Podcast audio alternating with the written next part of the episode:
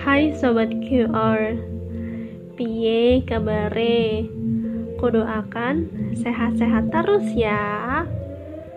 Oh ya, kenalin aku Niti Seorang yang lahir dan bertumbuh dewasa di kota metropolitan. Iya, di Jakarta. Ada yang tinggal atau mengenal daerah Bintaro? Ya di situlah aku tinggal Aku yakin kamu yang sedang mendengarkan podcast ini kita dipertemukan dengan kesengajaan. Karena di kamusku ketika kita dipertemukan dengan seseorang, pasti Tuhan memiliki tujuan di balik semuanya itu. Loh, kok jadi deep talk ya?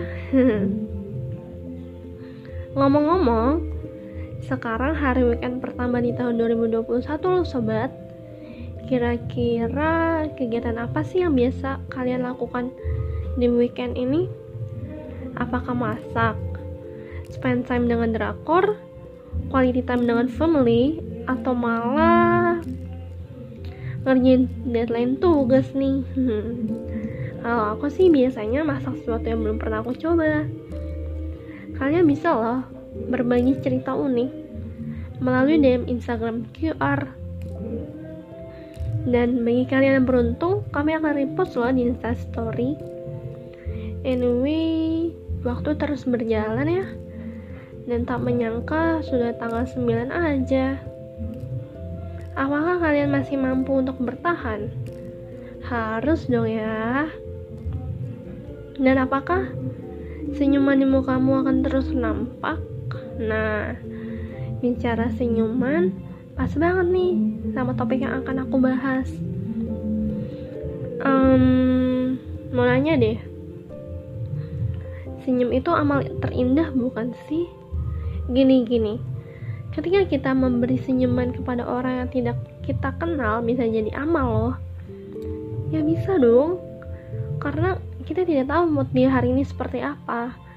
Misalnya, dia lagi kesal dan kamu memberi senyumanmu yang manis, itu akan berdampak yang begitu indah loh buat dia.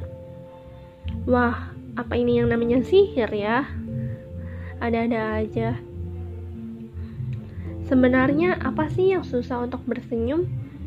Bukannya tinggal lengkungin saja mulutmu ya? Tapi ternyata tidak semudah itu loh sobat. Kalian pernah kan berusaha untuk bersenyum walau hati berkata lain?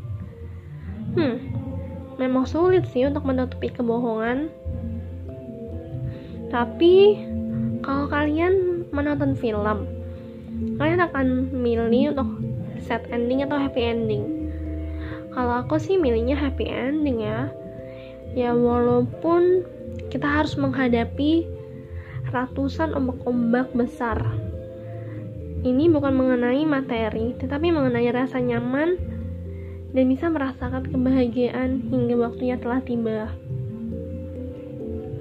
sepertinya kalau bicara mengenai senyuman butuh waktu yang panjang ya sobat.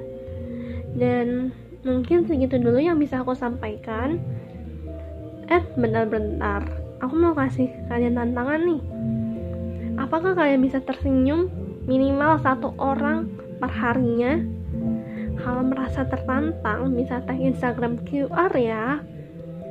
Oke, sampai jumpa di episode selanjutnya bersama Niti atau rekan QR lainnya. Jangan lupa tersenyum dan menebarkan kebaikan ya. Dadah.